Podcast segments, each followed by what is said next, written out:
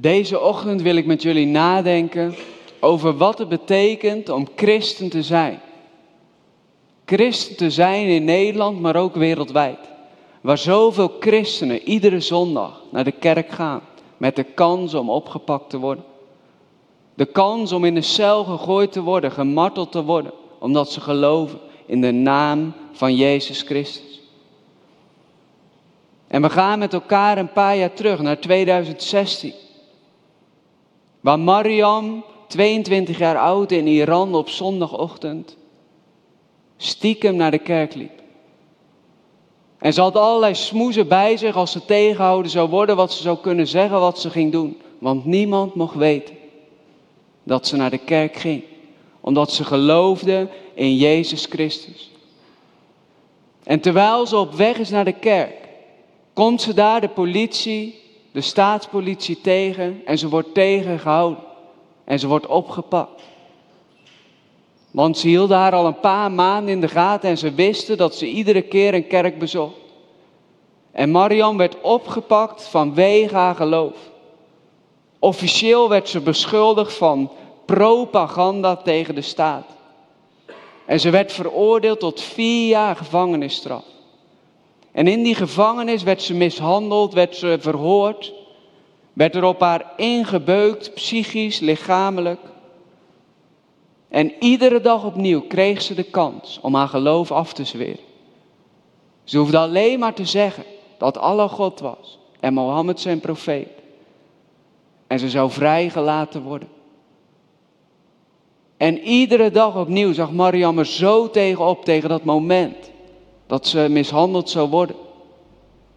Maar juist als dat moment kwam, ervaarde ze de kracht van de Heilige Geest, ervaarde ze de kracht van God.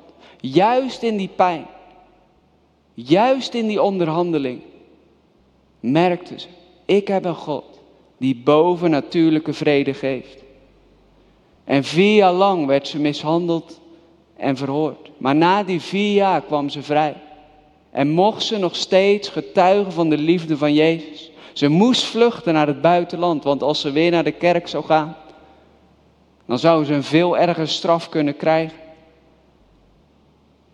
En Mariam is vandaag nog steeds in 2023 een levende getuige dat Jezus Christus redt. Jezus zegt niet dat we niet door stormen zullen gaan. Jezus zegt niet dat er geen vervolging, geen pijn, geen moeite zal zijn. Maar hij zegt, in de wereld zul je het zwaar krijgen. Maar houd goede moed, want ik heb de wereld overwonnen. Hij riep het uit. Het is volbracht. Kun jij, kunt u het zich voorstellen hoe het moet zijn om voor je geloof opgepakt te worden? Om iedere dag achterom te moeten kijken, bang om opgepakt te worden. Niet omdat je een drugscrimineel bent, niet omdat je iemand vermoord hebt of een vuile dief bent. Nee, omdat je gelooft in Jezus Christus en omdat je hier deze ochtend zit. Het is een vraag die je niet kan beantwoorden, maar toch wil ik hem stellen. Stel je voor als je de kans zou hebben om naar de kerk te gaan. Maar je wist, als ik nu vanuit Tiel of beneden Leeuwen of waar dan ook naar deze kerk zou rijden en ik zou opgepakt kunnen worden, zou je dan nog gaan? En nogmaals, het is een vraag die we niet nu kunnen beantwoorden, want we kunnen nu roepen, ja, ik zou gaan. Maar je weet niet hoe dat op dat moment zou zijn. Maar wat we wel weten is dat de Bijbel belooft, dat zagen we ook bij Mariam. God belooft, op het moment dat je het zwaar krijgt, weet dat ik erbij ben. En Mariam ervaarde dat, want iedere dag zag ze er weer tegenop. Maar ieder moment dat ze mishandeld werd, dat ze verhoord werd, ervaarden ze dat de Heilige Geest bovennatuurlijke vrede gaf. En dit is een thema wat mij de laatste weken weer raakt. En daarom wil ik vandaag met jullie nadenken over christenvervolging. En het is belangrijk om te weten dat christenvervolging geen nieuw verschijnsel is. De vroege christenen, de eerste christengemeenten, werden al vervolgd in het Romeinse Rijk. En door heel de kerkgeschiedenis heen zien we dat christenen vervolgd zijn, dat ze onderdrukking hebben meegemaakt. Niet zoals Iran hier zegt vanwege propaganda tegen de staat. Want ze kunnen het vaak zo mooi politiek maken. Maar puur omdat ze christen waren. En ik zat van de week nog eens mijn scriptie te lezen, was zo'n zeven jaar terug. Toen schreef ik mijn scriptie over vervolging in het Romeinse Rijk. Christenvervolging in het Romeinse Rijk. En ik las een verhaal in die scriptie wat mij weer raakte, wat gewoon wetenschappelijk bewezen is. En ik wil het met je delen. Misschien ken je het verhaal al. Maar de vervolging in het Romeinse Rijk was op een gegeven moment zo heftig, zo erg. Dat christenen voor de leeuw werden gegooid in het amfitheater. Dat christenen als, als feestje voor de leeuw werden gegooid, dat ze moesten rondrennen en werden opgevreten om hun geloof. En keizer Nero, hij maakte het zo bond. Dat toen zijn paleis in de fik was gevlogen, dat hij de christenen van de schuld gaf. Ze werden de zondebok. En in het Romeinse Rijk, in de omgeving van Rome, werden ze gezien als absolute afhakers. Want je mocht alleen de keizer dienen en vereren als God. Keizer Nero, hij maakte het zo bond dat hij zelfs christenen, een gruwelijk verhaal, als straatverlichting gebruikte naar zijn paleis. Hij liet christenen kruisigen. Hij stak ze in de fik als straatverlichting. Waarom? Omdat hij zo'n diepe haat tegen christenen en hun God Jezus had. Hij wilde zelf als God vereerd worden. En is dat ten diepste niet met ieder mens zo, als we Jezus nog niet kennen? Dat we zo voor onszelf leven, dat we de gekste dingen kunnen doen. Maar als Jezus ons leven binnenkomt, dan verandert onze hoogmoed in nederigheid. Geen valse nederigheid, maar bijbelse nederigheid, wetende dat God koning is en dat Hij regeert. En we zien in heel de geschiedenis dat de duivel de jonge christenen wilde uitroeien. Maar iedere druppel bloed die vloeide, deed de kerk juist groeien. De keizers, ze probeerden de christenen uit te moorden. Maar er wordt wel eens gezegd, het bloed van de martelaren was het zaad van de kerk. De kerk groeide en groeide en christenen gingen zingend de hemel in. En dat was zo'n sterk getuigenis dat steeds meer mensen in het Romeinse Rijk Jezus gingen volgen en dienen, want ze dachten bij zichzelf, als die gruwelijke keizer God is, als die Romeinse goden er zijn, waarom kunnen zij, die christenen, dan zingend de hemel in gaan, terwijl ze de gruwelijkste dingen meemaken? En zo zien we dat God alles ten goede keert. God geeft die vervolging niet. God geeft die pijn en moeite niet. Maar hij keert het ten goede. Hij gebruikt het voor zijn koninkrijk.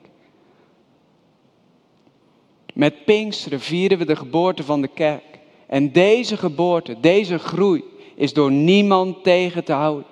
De geest, de Heilige Geest, breekt alle grenzen die door mensen zijn gemaakt. Satan, het kwaad, maakt altijd een plan, maar God keert het ten goede. Denk eens aan Hitler.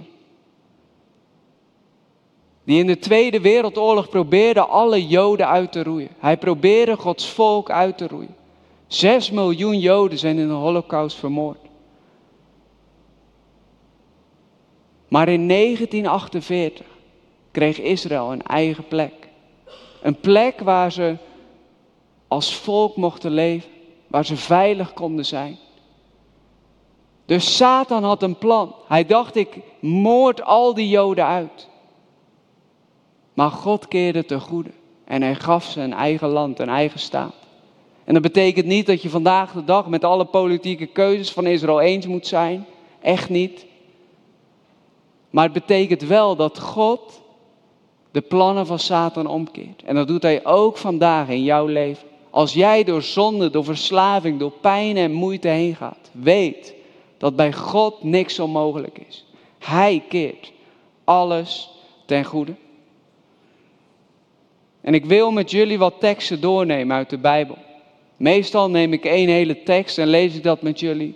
Vandaag heb ik ervoor gekozen wat teksten over vervolging uit te kiezen en ze met jullie te behandelen. En de eerste tekst die komt uit Johannes 16, vers 33. Wat de reden van vervolging ook is, wij moeten ons herinneren dat Jezus zelf heeft verteld dat we om ons geloof vervolgd kunnen worden vanwege Hem. En dat dit deel uitmaakt van het leven van een christen. Jezus zegt in Johannes 16, vers 33, dit heb ik tot u gesproken, opdat gij in mij vrede hebt. In de wereld leidt u verdrukking, maar houd goede moed. Ik heb de wereld overwonnen. En in het hoofdstuk daarvoor, Johannes 15, vers 20, je mag het opzoeken, voel je niet verplicht, want er komen best wel teksten langs. In Johannes 15, vers 20 zegt Jezus, denk aan wat ik jullie heb gezegd. Een dienaar staat niet boven zijn Heer. Als ze mij vervolgd hebben, Jezus wist wat vervolging was, dan zullen ze ook jullie vervolgen. Besef je wat deze tekst betekent? Deze tekst herinnert ons eraan dat Jezus zelf heeft gezegd dat we vervolging in de wereld zullen meemaken. En misschien merken wij daar nog helemaal niks van, of misschien in het klein. Maar wereldwijd wordt de kerk van Jezus Christus vervolgd. Maar we moeten ons niet laten ontmoedigen, want Jezus heeft gezegd: Ik ben bij jullie. Ik zal jullie helpen. Ik heb de wereld overwonnen. Onthoud dit altijd goed. Groei en vervolging komen vaak tegelijkertijd. Aan de ene kant zien we meer vervolging, aan de andere kant zien we diepe opwekking en groei in de kerk van Jezus Christus. Niks kan de kerk van Jezus tegenhouden.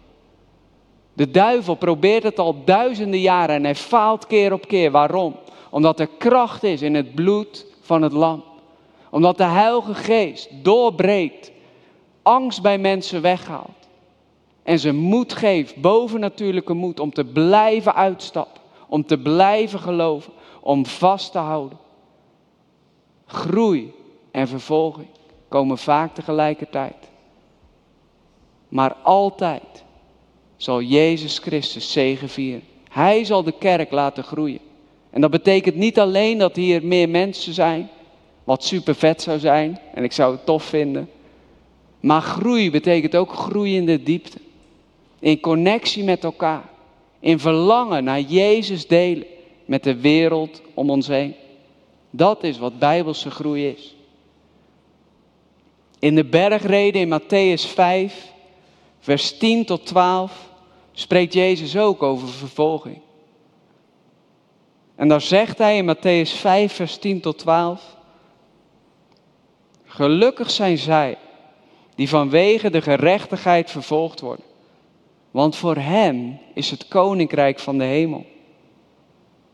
Gelukkig zijn jullie wanneer ze jullie uitschelden, vervolgen en van allerlei kwaad betichten wegens mij. Wees blij en juich, want in de hemel wacht jullie een grote beloning. Dit citaat komt uit de bergreden, een belangrijke toespraak van Jezus. En hij spreekt hier over vervolging vanwege het geloof en gerechtigheid. Nou, ik denk dat we dit in Nederland wel merken. Als wij ons uitspreken namens christelijk recht. Als het bijvoorbeeld gaat om heftige thema's zoals prostitutie of abortus. Nou, dan kan ik je vertellen, dan kom je vervolging tegen. Dan is het echt niet zomaar dat je geaccepteerd wordt als christen en word je gewoon uitgescholden. Word je aangepakt. Als je meeloopt, ik heb het zelf eens gedaan met dat Mars voor het leven, misschien ken je het. Nou, erg vriendelijke dingen kreeg ik niet naar mijn hoofd, kan ik je vertellen. Maar Jezus zegt die, ze zullen jullie uitschelden. Het hoort erbij.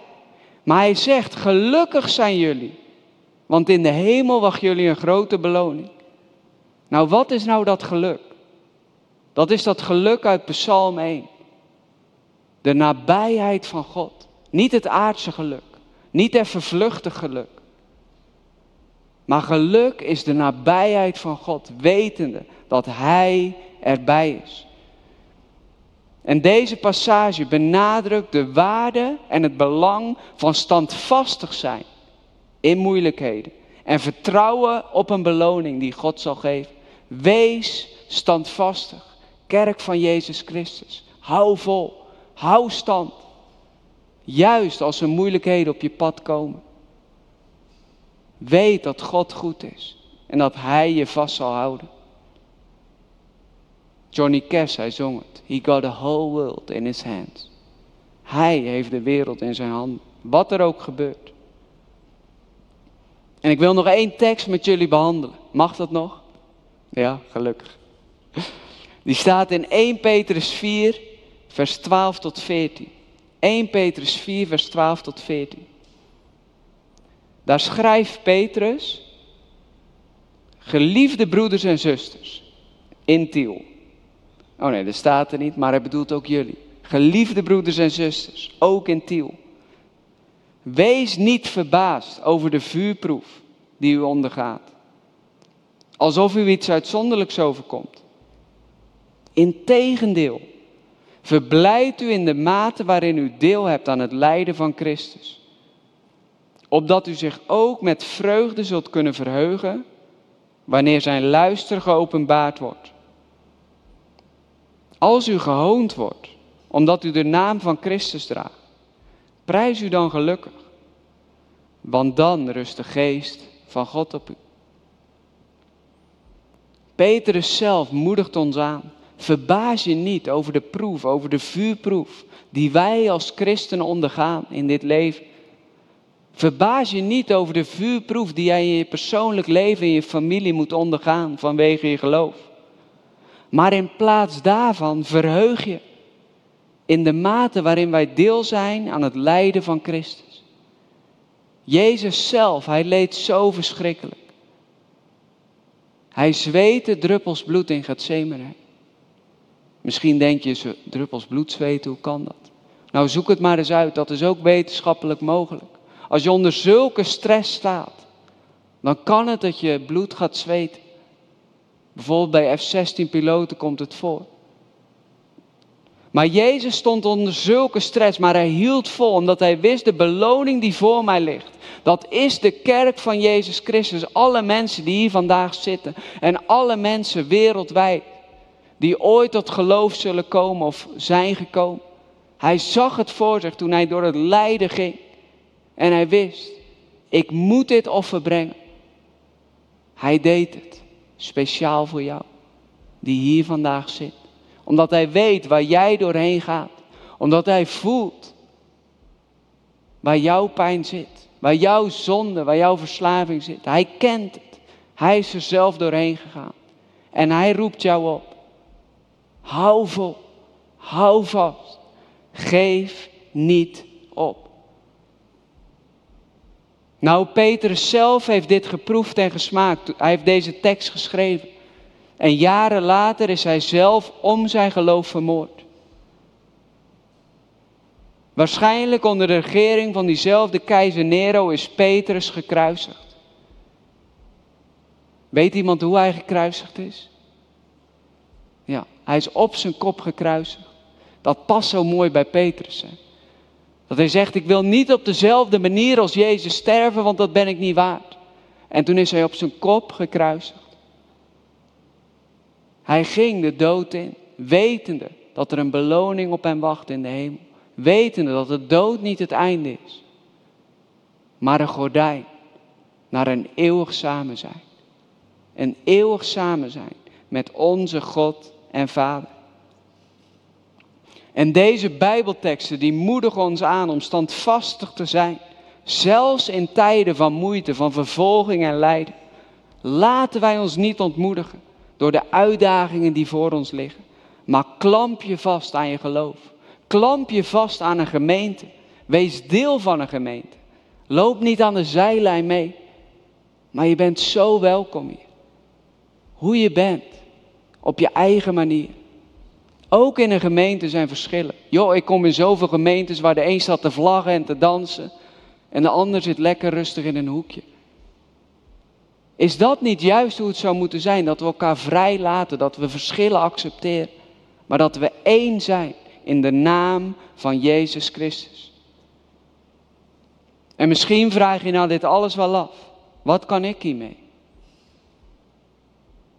Nou, als het gaat om christenvervolging, dan is het zo belangrijk ten eerste om te bidden, altijd. Maar ook om je stem te verheffen voor degenen die geen stem hebben. Als wij ons als christenen uitspreken tegen onrecht, dan doet dat wat. Dan laten we aan de wereld zien wat er speelt. Dus verhef je stem, spreek je uit tegen onrecht. Dat is een bijbelse opdracht.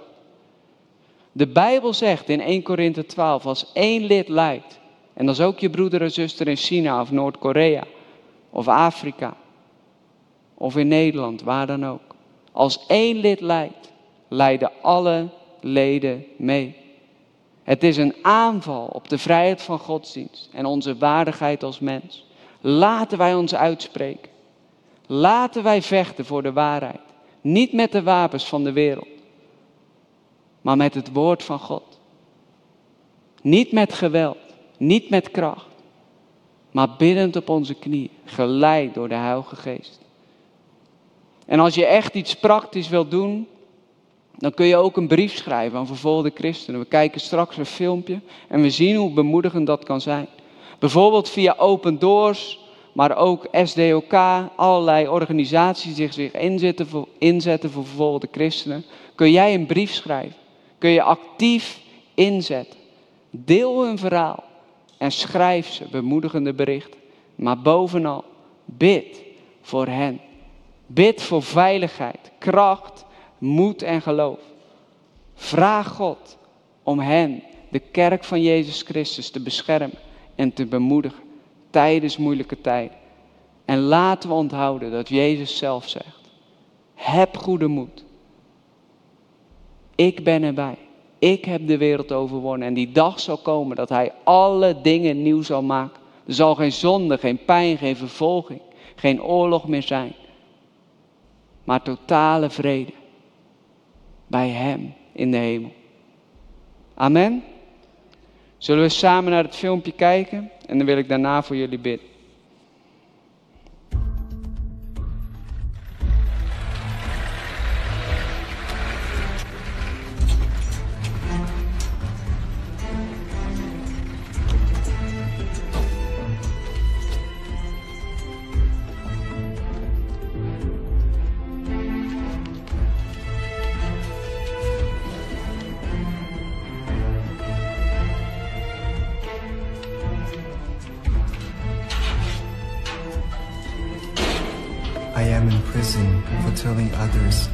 Jesus.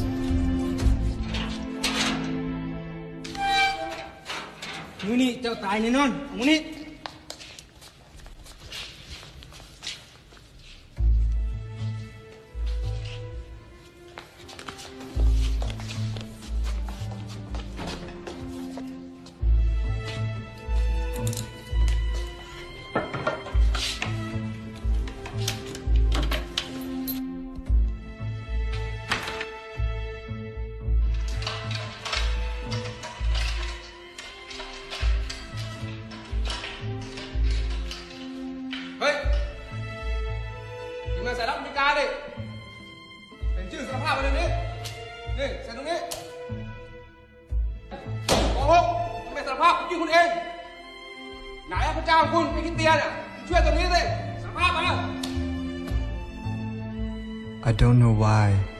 and shoot me. The interrogations are the only time I am out of solitary. I am losing hope and fear I have been forgotten. I recite Bible verses to myself, but the words are getting harder and harder to remember. I can handle the torture, the starvation, but I desperately need my Bible.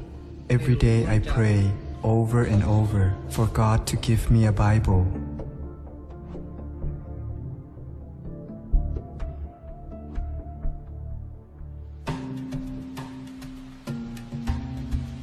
Now I have my chance. The interrogations have ended. and the guards trust me to go into the jungle to gather firewood. Working as fast as I can, I will collect two days' worth of firewood. I'll bring one bundle back. I leave the second bundle in the woods. This is what I need to do.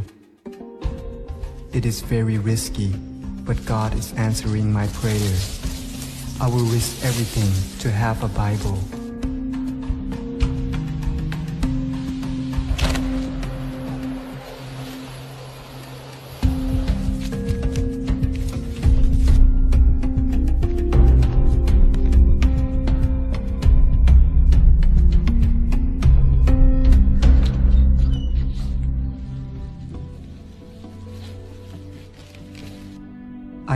Leave my wife, but I have to, or she will be in danger. Leaving her is so hard.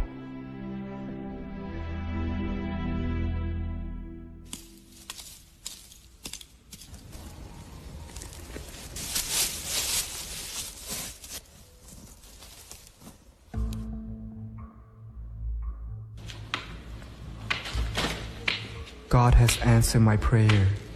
I have a Bible, but I must be careful.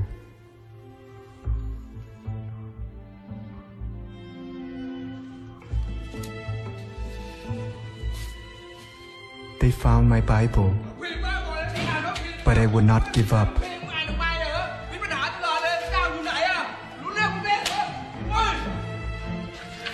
I will bring in more Bibles.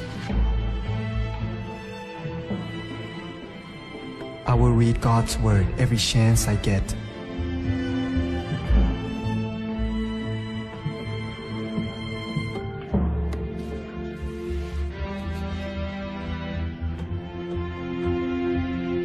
Then the letters นี่ came. อะไรนะคุณจันทร์ไม่รู้ได้ไงเนี่ยชื่อคุณมันจดหมายเนี่ย เนี่ย เนี่ยอะไร เนี่ยอะไรจดหมายจากทั่วโลกไอ้เนี่ย Letters from me. Letters from Christians all over the world. God not only answered my prayer for a Bible, He let me know I am not forgotten. อย่าตะคุกเพราะว่าอามาคนทั่วโลกและฮับเนืองโอแล้วเอาเพื่อนพระคัมภีร์อนองยัดตุ่มโปะตื้มตะคุกสิบปีโออ่านพึ่มพระคัมภีร์และพระเจ้านู่นเรียมโอแล้วก็สู้สู้สู้สู้สู้ แล้วก็ขอบคุณพระเจ้า ขอบคุณอนาพี่น้องทั่วโลก ที่อธิษฐานอ่อนวอน เพื่อโอ้และก็มู่คู่ที่น้องอยาตะคุก แล้วก็ขอบคุณพระเจ้า ขอบคุณพี่น้องทั่วโลก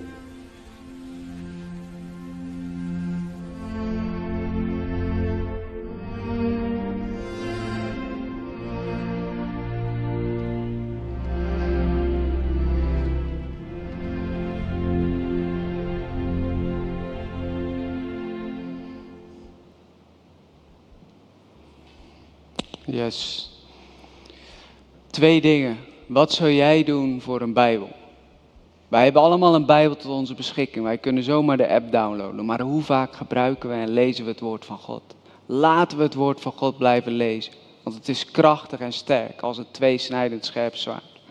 En ik wil je ook oproepen, schrijf zo'n brief. Ondersteun de christenen. Je ziet dat je praktisch iets kan doen voor mensen wereldwijd, voor broeders en zusters.